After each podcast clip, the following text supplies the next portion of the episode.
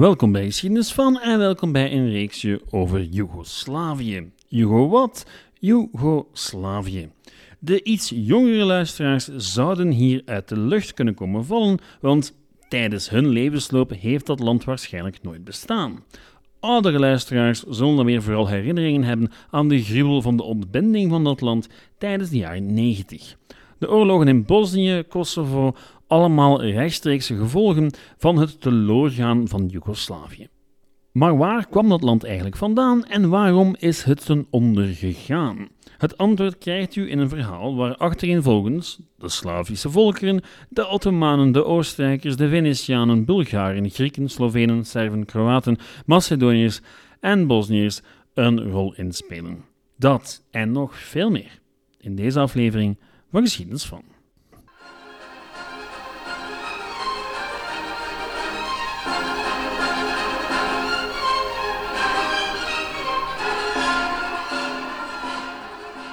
Joegoslavië. Een land waar ik nooit ben geweest, omdat het zo rond mijn tweede verjaardag al volledig uit elkaar was gevallen. Het is te zeggen, ik ben in bijna elk land geweest dat vroeger deel uitmaakte van Joegoslavië, maar dan wel meer dan twintig jaar na de versplintering. Dat leverde enkele zeer verwarrende gesprekken op met een tante van mij, die begin de jaren tachtig heel het land was doorgereisd. Wij hadden, kwamen we uiteindelijk tot de conclusie, min of meer dezelfde reis gemaakt. Maar zij konden met de beste wil van de wereld niet vertellen wat ze precies in welk hedendaags land gezien had. Logisch ook, want ja, toen was het gewoon nog één land. Van de vele kogelgaten die ik zag in allerhande gebouwen, was er tijdens haar rondreis ook nog geen sprake. Een afgebrand hotel in Sarajevo, kapot gebombardeerde overheidsgebouwen in Belgrado, een muur vol kogelgaten van executies in Ljubljana, allemaal zaken die, toen zij er was, in de nabije toekomst lagen en toen ik er was, al deel uitmaakten van het relatief recente verleden. Onze reiservaringen naast elkaar leggen was bij gevolg een absurde ervaring. We bezochten dezelfde plekken, maar in andere landen, met een andere nationale taal, een ander politiek regime en een andere munt. Dit reeksje draait om de vraag wat er gebeurde tussen die twee reizen in. Wat zorgde ervoor dat dit begin de jaren 80 nog eengemaakte en relatief welvarende land geen tien jaar later uiteenviel in bloedige oorlogen? Waarom is Joegoslavië geen land meer, maar Kroatië, Servië, Montenegro, Bosnië-Herzegovina, Slovenië, Kosovo en Noord-Macedonië wel? De vraag is natuurlijk waar we dit verhaal moeten beginnen. Dat is altijd een moeilijke vraag, maar deze keer misschien nog meer dan anders. Om te verklaren waarom Joegoslavië vandaag de dag geen dingetje meer is, moeten we het natuurlijk ook hebben over waarom het in de eerste plaats een aparte natiestaat werd. En dat is een ingewikkeld verhaal, omdat in de Balkan alles nu eenmaal ingewikkeld is. U krijgt in deze aflevering een blitsoverzicht dat ons tot in de 19e eeuw zal brengen. Beginnen doen we met de slaven. Geen mensen die persoonlijk eigendom zijn van een ander, maar het volk. Het volk waar een groot deel van de hedendaagse bevolking, van wat ooit Joegoslavië was, uit voortkwam. Het zit hem in de naam, weet je wel. Joegoslavië betekent niks anders dan land van de Zuid-Slaven. Wat suggereert dat er ook Oost- en West-Slaven zijn. Een groot deel van hedendaags Centraal- en Oost-Europa wordt bevolkt door de nakomelingen van de slaven. Polen, Tsjechië en Slowakije herbergen de West-Slaven, Rusland, Oekraïne en Wit-Rusland de Oost-Slaven. Bulgarije en de restanten van Joegoslavië de Zuid-Slaven. Slaven vormen tot op de dag van vandaag de grootste etnische groep in Europa, wiens talen aan elkaar verwant zijn. Maar waar komen die slaven dan vandaan? Wel, we weten het niet. Toch niet zeker. Ergens in Oost-Europa. De Romeinen hebben het vanaf de tweede eeuw na Christus al over enkele stammen, maar pas vanaf de vroege zesde eeuw kunnen we over meer concrete informatie beschikken. Langzaam maar zeker vloeiden verschillende Slavische stammen richting de grenzen van het Byzantijnse Rijk, waar ze nu eenmaal de gezonde gewoonte hadden opgevat om gedetailleerde verslagen bij te houden over wie en wat zich ophield aan de grenzen van een rijk. In dit geval de slaven. Waarom verschenen die daar plots? Wel, er was rond de vijfde eeuw een nieuw hoofdstuk van volksverhuizingen begonnen in Centraal-Europa. Toen de vele Duitse stammen naar het westen emigreerden, werden ze vervangen door Slavische stammen, die op hun beurt werden voortgedreven door Hunnen, Avaren en Bulgaren. De slaven stroomden de Balkan en Centraal-Europa in en eens de emigratie stopte, was de basis gelegd voor heel wat Slavische koninkrijkjes. Kiev, Novgorod, Kroatië, Bohemen, Polen, Bosnië, Servië, Bulgarije enzovoort. Allemaal werden ze gevormd tijdens de vroege middeleeuwen en vormden ze de historische basis voor moderne natiestaten. Oké, tot daar de algemene inleiding. Over naar de situatie in de Balkan. Lange tijd was de hele regio onder de controle van de Romeinen, maar tegen het einde van het West-Romeinse Rijk was de grensverdediging zo lek als een zeef. Het Oost-Romeinse Rijk trok zich deels terug naar beter verdedigbare grenzen en van de vrijgekomen ruimte maakten de slaven gebruik om hun intrede te doen. Tegen het jaar 700 hadden ze zich zowat overal in de Balkan gevestigd, tot in Griekenland toe. Oorspronkelijk deelden al die slaven dezelfde taal en cultuur, maar hoe langer ze in een bepaalde streek bleven, hoe meer regionale verschillen er opdoken. Divers gearriveerde slaven zaten vast tussen het rijk van de Franken in het noorden en de Byzantijnen in het zuiden. En dat ze zo vast zaten, zou grote gevolgen hebben. Om te beginnen waren beide rijken christenen en hadden ze liever geen heidenen aan hun grenzen. Bij gevolg werden al snel beschavingsmissies richting de slaven gestuurd, maar dan wel met de intentie om de slaven te bekeren naar de eigen vorm van het christendom. Katholiek voor de Franken en orthodox voor de Byzantijnen. Het zijn twee Byzantijnse missionarissen, Cyrillus en Methodius, die de grootste impact gaan hebben. Want zij gaven de slaven een eigen schrift, wat later het Cyrillisch zal worden. Byzantium zal proberen een grip te krijgen op de Balkan, maar krijgt al snel concurrentie van de Bulgaren. En Bulgarije wordt het eerste onafhankelijke Slavische koninkrijk in de Balkan. Wat zeg ik? Een keizerrijk zelfs. Want in de 10e eeuw staken ze zelf Byzantium naar de kroon. Het is een fascinerende geschiedenis waar ik vandaag geen tijd voor heb, want het past niet in het verhaal van Joegoslavië. Wel, niet helemaal in elk geval. Veel van de regio's waar de Bulgaren eventjes de scepter zwaaiden, passen wel binnen het verhaal van Joegoslavië. En omdat de Bulgaren ondertussen orthodoxe christenen geworden waren, waren ook die regio's vaak orthodox. Denk daarbij maar aan het hedendaagse Servië en Noord-Macedonië. Ondertussen werd het Noordwesten, hedendaags Slovenië, geannexeerd door Duitse heersers en bakkeleiden ze vervolgens met de Byzantijnen over hedendaags Kroatië. De Kroaten werden uiteindelijk bekeerd door Rome, waren een tijdje onafhankelijk, tot de Hongaren het hele gebied inleidden als een provincie. Buiten een grote strook land aan de kust, die in de handen van de Venetianen viel. Jup, Venetië, die doen ook mee. De Serviërs deden ook nog een poging om de hele regio onder hun controle te krijgen met het Servische keizerrijk dat op zijn hoogtepunt was zo rond het midden van de 14e eeuw. Maar lange tijd slaagde niemand erin om de hele Balkan onder de knut te houden. Ondertussen zijn er wel al heel veel onderdeeltjes van het later Joegoslavië aan bod gekomen, maar lang nog niet allemaal. Feit is dat Kosovo, Montenegro, Bosnië-Herzegovina, Slovenië allemaal wel al bestonden in de een of andere vorm, maar ze wisselen regelmatig van eigenaar. De ene eeuw waren ze onafhankelijk, de volgende veroverd door de Bulgaren, dan weer door de Serviërs, dan weer door de Venetiërs, en zo door en zo verder. De geschiedenis van de verschillende staatjes in de Balkan is uiterst verwarrend. En dat is dan nog voor de komst van het Ottomaanse Rijk. Want die gaan de boel nog een pak gecompliceerder maken.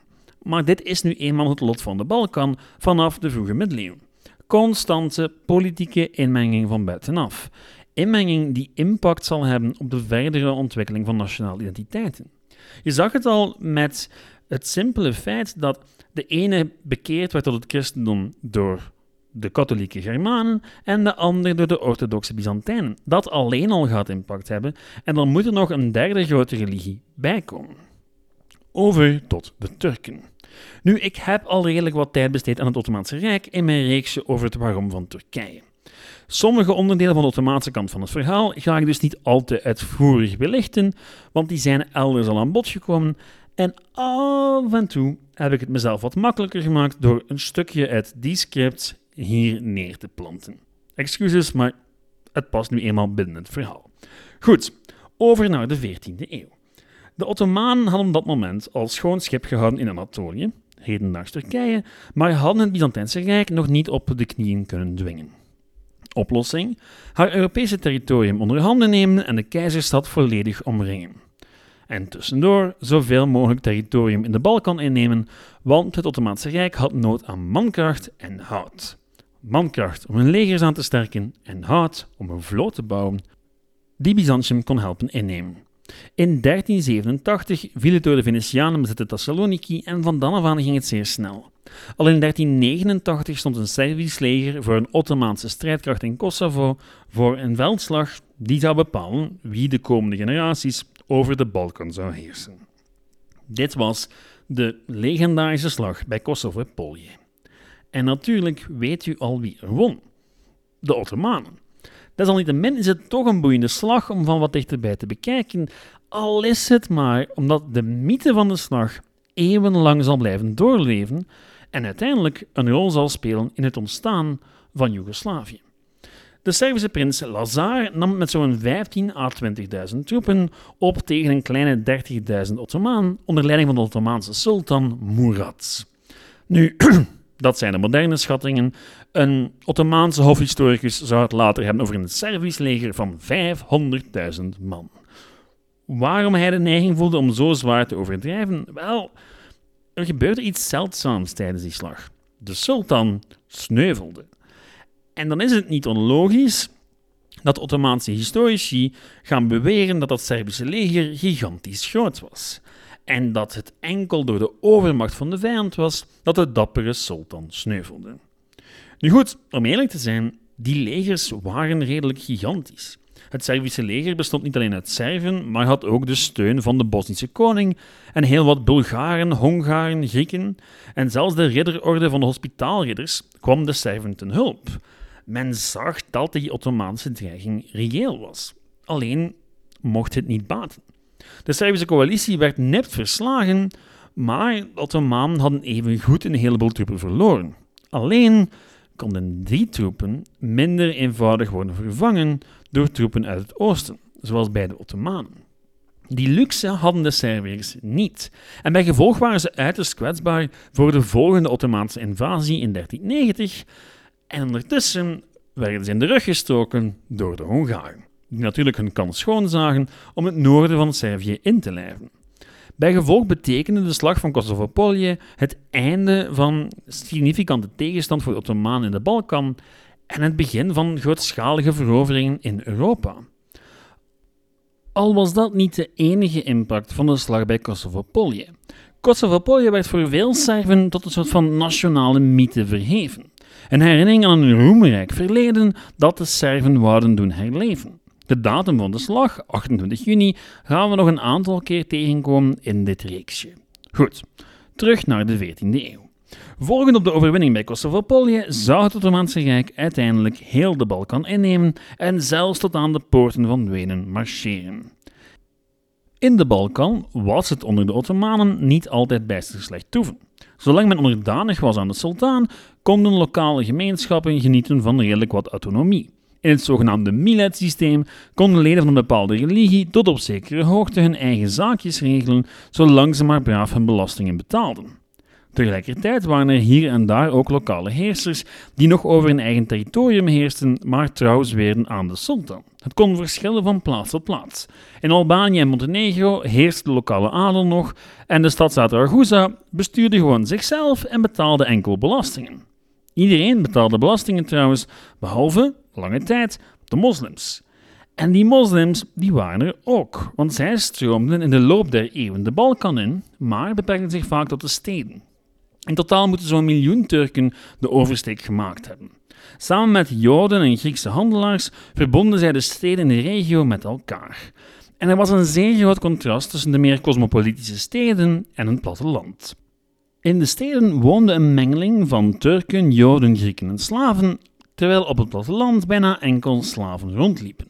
En die indeling die gaat gevolgen hebben, want het zorgt ervoor dat er een grote mix is over de hele Balkan, maar dat er lokaal wel een scheiding is tussen de verschillende bevolkingsgroepen. Nu, dat gaat echt impact hebben, zeker als we later gaan kijken naar plekken zoals Bosnië.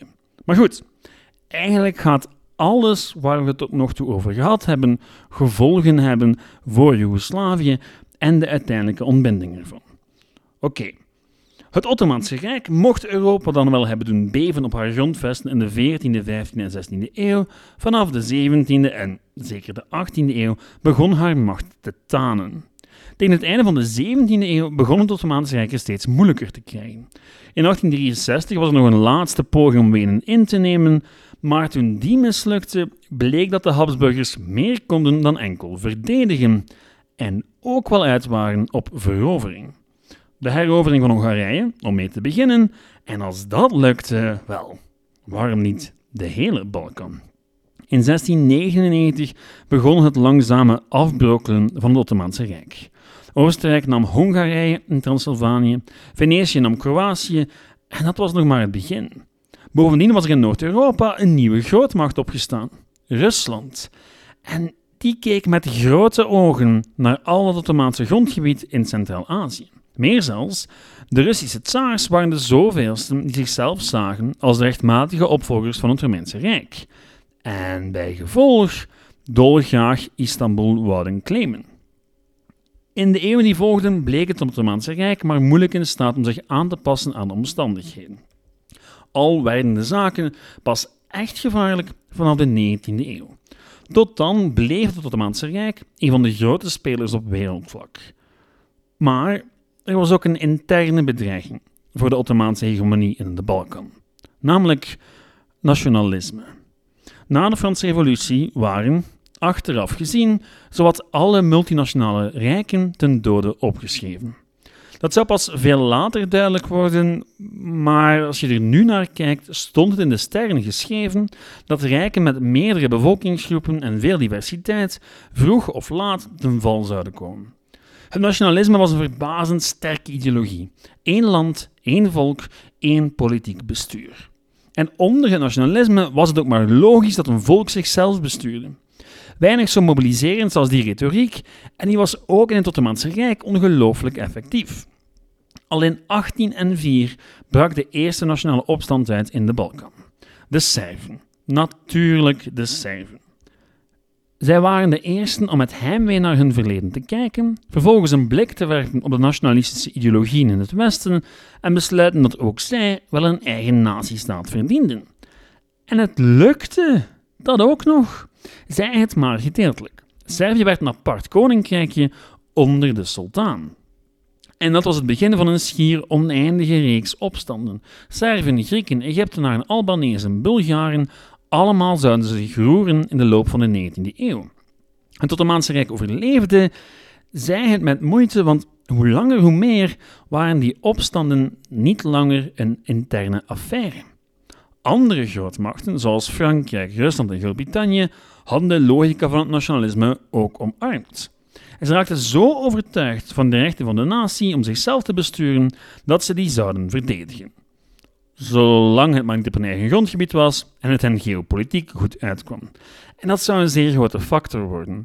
Want Rusland zou zich in de Balkan gaan opwerpen als de grote beschermer van de Servische nationalisten. En de Britten, die zo zot stonden van de oude Grieken, namen het op voor de eigentijdse Grieken in hun onafhankelijkheidsstrijd. Het grote slachtoffer het Ottomaanse Rijk. Zij waren maar niet in staat om zich aan te passen aan de situatie en de nationalistische zonvloed te stoppen. Het nationalisme wortelde zich in de Balkan en zou een heleboel zaken in gang zetten, die uiteindelijk zouden leiden tot het ontstaan en de val van Joegoslavië. En dat was het voor deze week. Een blitsoverzicht van de geschiedenis van de Balkan. Volgende week zien we hoe de combinatie van een zwakker Ottomaans Rijk en opkomend nationalisme zal leiden tot nieuwe staten die zich niet alleen tegen de Ottomanen zullen keren, maar evengoed tegen elkaar. De Balkan wordt het geopolitieke kruidvat van de regio en de uiteindelijke ontploffing zal heel Europa met zich meesleuren. Vandaag wil ik u enkel nog bedanken voor het luisteren. Met aanmoedigingen en suggesties kan u terecht op de Facebookgroep Geschiedenis van, het e-mailadres geschiedenisvan.live.be of de website geschiedenisvan.be. Tot volgende week. Ciao!